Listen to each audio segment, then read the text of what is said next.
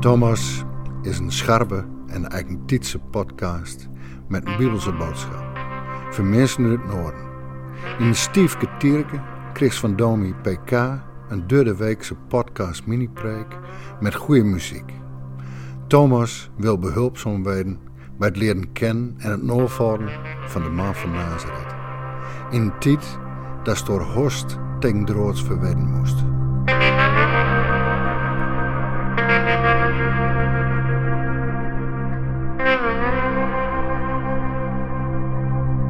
Vandaag het verhaal uit Handelingen van de minister uit Ethiopië die zich wil laten dopen door Filippus. Een verhaal over geborgenheid en liefde van God over landgrenzen heen. Maar ook een verhaal met vlijmscherpe humor die je wil helpen voorkomen dat je niet meer ziet hoe God vandaag nog wel aan het werk is.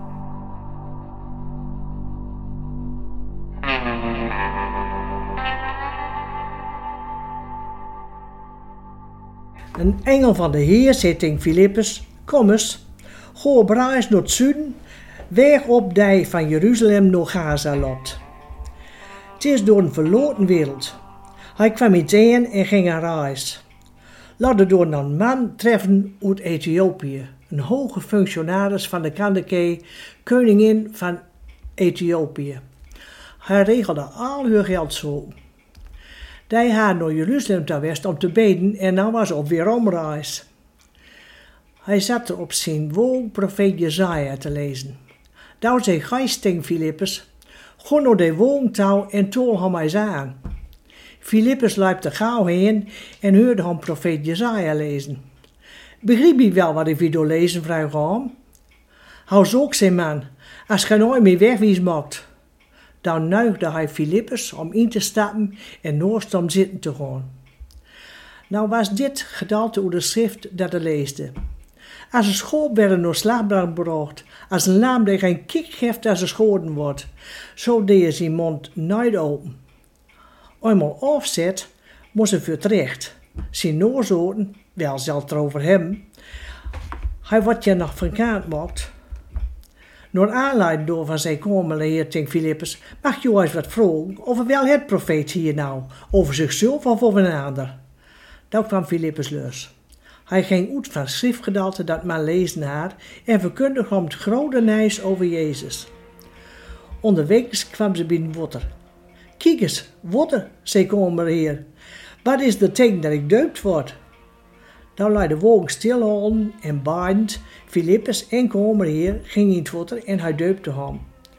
Toen ze tot water uitkwam wassen, nam de heer zijn geest Filippus in een voort. Kommer heer zag hem niet meer. Maar gelijke goud reisde hij blied verder.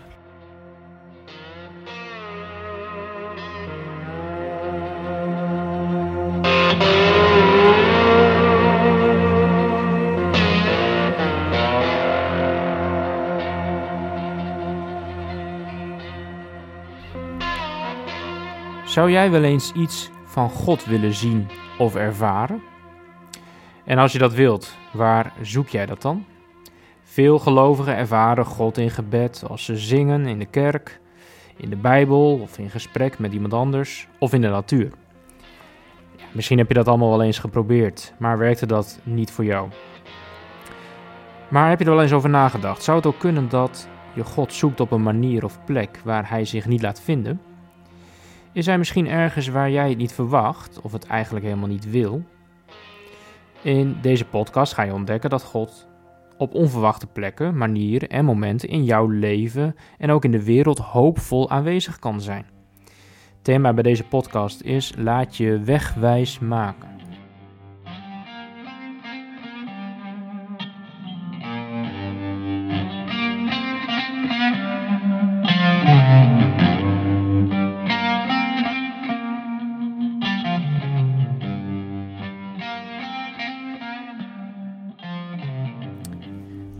Bij het Bijbelboek Handelingen moet ik altijd vooral denken aan het verhaal van de reis die het evangelie maakt vanuit Jeruzalem de hele wereld over.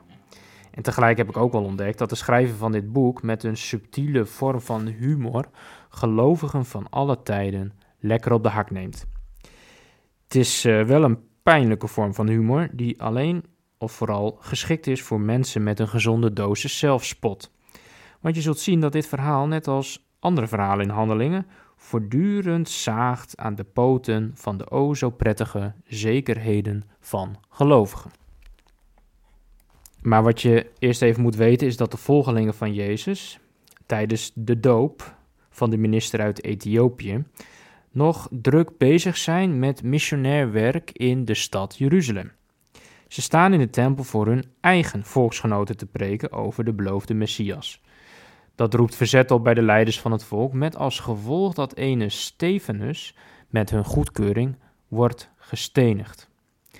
Na die brute moord breekt de vervolgingshel los en trekt ene Saulus complete gezinnen met geweld uit hun huizen.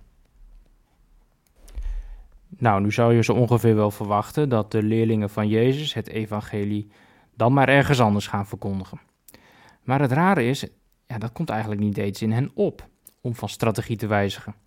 In hun denken is simpelweg nog geen ruimte voor mensen die ze buiten de eigen landgrenzen zouden kunnen bereiken. Maar dan verandert er toch iets in de missionaire strategie. Maar let wel even goed op, nog niet bij de apostelen zelf, maar wel bij God. Op een ja, eigenlijk volledig onverwachte plek gaat hij zelf dan maar alvast met het evangelie de grens over. Niet in de kerk van die tijd, maar op een totaal verlaten kruispunt van de onverharde en vast ook stoffige weg van Jeruzalem naar Gaza. Daar ontmoeten de jaken Filippus en de minister van Financiën uit Ethiopië elkaar. Ook niet echt een normale ontmoeting. De minister laat zich door hem wegwijs maken in de Bijbel en vervolgens wil hij zich laten dopen. Gelukkig maar, God wacht niet op het akkoord van de apostelen voor deze nieuwe, grensverleggende en ook wel onverwachte vervolgstap in zijn wereldwijde missie. Maar neemt hij zelf het initiatief.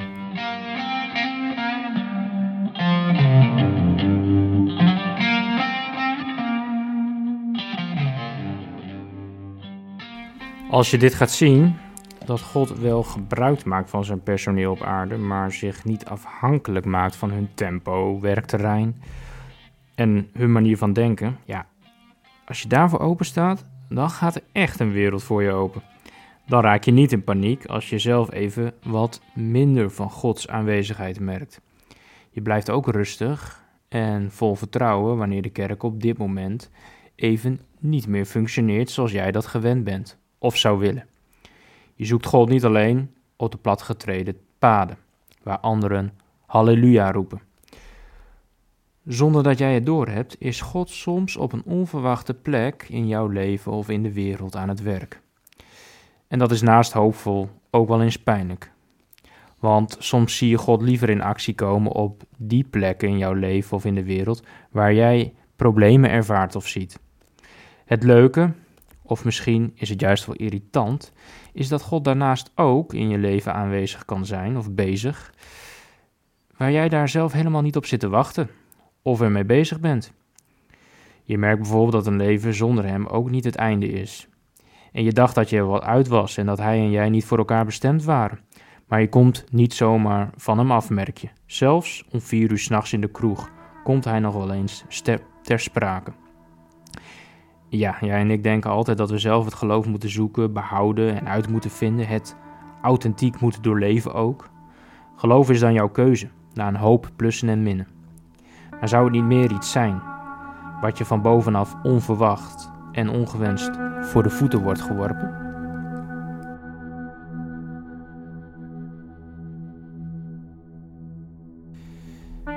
Er is nog iets. Dit verhaal staat vooral bekend om die eerste gelovigen buiten Israël. De minister uit Ethiopië, een vreemdeling uit een ver land. Je kunt je vandaag identificeren met deze gelovigen, net als jij een vreemde uit een ander land die thuis komt in de armen van de onvoorwaardelijk liefhebbende Vader en daar geborgenheid vindt. Maar voordat je gedoopt en wel vroom naast deze minister op de koets gaat zitten, is het misschien een idee om je ook te identificeren met de andere partij in dit verhaal. En dat zijn de gelovigen in Jeruzalem die niet mee kunnen komen in het tempo van de hemel. Ze snappen het niet, of willen het nog niet snappen. Ze blijven vasthouden aan hun eigen oude manier van denken en geloven en raken bijna het contact met boven kwijt. Ja, maak daarom niet de Bijbelleesfout van wat ik het Abel-syndroom noem. Daarmee bedoel ik dat je je alleen identificeert met de good guy van een Bijbelverhaal.